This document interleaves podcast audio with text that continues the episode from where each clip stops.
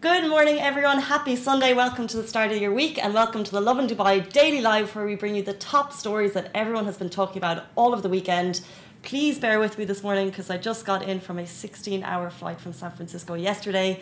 I don't know why I booked a flight to come in on a Saturday and go to work on Sunday, but if you've ever been there with me and you've done that, bear with me for a sec. Of course, coming into DXB is always, I mean, I flew into the States and I think I was going around through airports. I went through a couple and you could be there waiting and in queues, but there's something so great about coming back to DXB. I got off my flight and then I went straight to security. I can't even believe how quick it is with an Emirates ID. You just go straight in and then, I don't know, the security was really quick, the bags are really quick. So, shout out to DXB for making that experience really, really good. And I believe it's like midterm for some people at the moment. Uh, so if you're getting through DXB as quick as I have, or if you have some uh, DXB experiences that you want to share, please say hello to me on the Lovin Dubai Live and let me know where you're watching from. I'd love to hear your DXB stories. Just a run through of the quick stories we're going to talk about today. It's actually kind of curious, they're all travel themed. Uh, number one is a travel hack has gone viral in Dubai as a passenger dodges the extra baggage fees. Now, this girl is an absolute hero. She is a Dubai resident. Her name is Gel Rodriguez. Uh, take a look at this picture beside me. I'm pretty sure all of us have been in this situation or we've been close to this situation before that you have a suitcase, you get to the airport, and it's a little bit over the uh, allowed baggage amount. So basically, her suitcase was seven kgs. Uh, that was her allowed baggage amount, seven kgs. She got to the airline. She didn't actually say which airline it was, but uh, how much, how heavy her bag was was nine kgs in all. So what she did, I think in this situation, you have some options. You can either take your stuff out and tuff them in the bin. No one wants to do that, so let's get rid of that option. You can pay the extra baggage amount, which is obviously expensive, and all airlines have different fees. And let's also let's say that's not really an option you want to do either. Or you can do what this hero did, and you can try and layer on the baggage as much as possible. And she did it. She got. You can see this picture here. She got through 2.5 kgs she put on herself. So she has loads of shorts, loads of jackets, unbelievable effort, I have to say. And she actually got it down to 6.5 kg. And this story has gone viral. When I say it's gone viral, if you take a look at her Facebook page, which is G E L R O D R I G E Z, that's Gel Rodriguez. This has been covered by Vice, uh, Daily Mail, of course, Love Lovin Dubai covered it. Uh, it's been covered by 20 to 25 publications across the world. So to say it's gone viral is absolutely sure. Uh, it's all across. And I say the comments, what's really funny is that there's so much support for her. Someone saying, You're so smart, this may be funny, we absolutely salute you, which is really cute. But then on the other side of it, some guy has said, Your picture is published in Pakistani newspapers as well you may become so popular in the world, but if I was on duty, you would not get this opportunity. So, you know, some people are shading her, but overall, what a cool story. And I think we all have to say that when you're going to the airport, if you have that over excess luggage amount, what she did was an absolute hero moment. So shout out to her. And we may see more people going through airports this midterm with a couple of extra jackets when you just don't want to pay that extra amount. So shout out to her. On to our next story. The UAE has issued a warning against travelling to Lebanon amidst rising tensions in the country.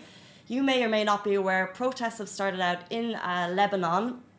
Um, over the last few days, basically, there are some forest fires in Lebanon, and then there are some proposed tax hikes in the country.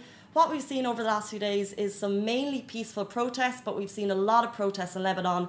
Uh, these uh, demonstrations came two days after the worst forest fires hit the country. Uh, tens and thousands of people have come out in these protests they're gathering and they're looking for a solution to uh, the worsening economic situation in the country.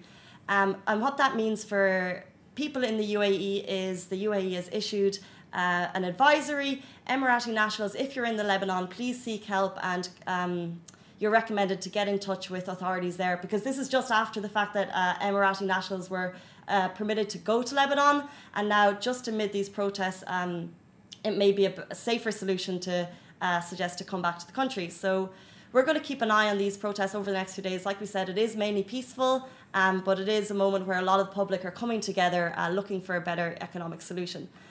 On to our final story, and this is another travel story, and this one will blow your mind. Like I said, I came through um, uh, DXB over the weekend using just my Emirates ID card, so it's basically slot in, slot out, and you're through. I would say the whole uh, the whole process took me about eight seconds through security, which is incredible, by the way. However, Dubai, you think something is credible, and then it goes one step further. This announcement came at GITEX this week, GITEX Technology.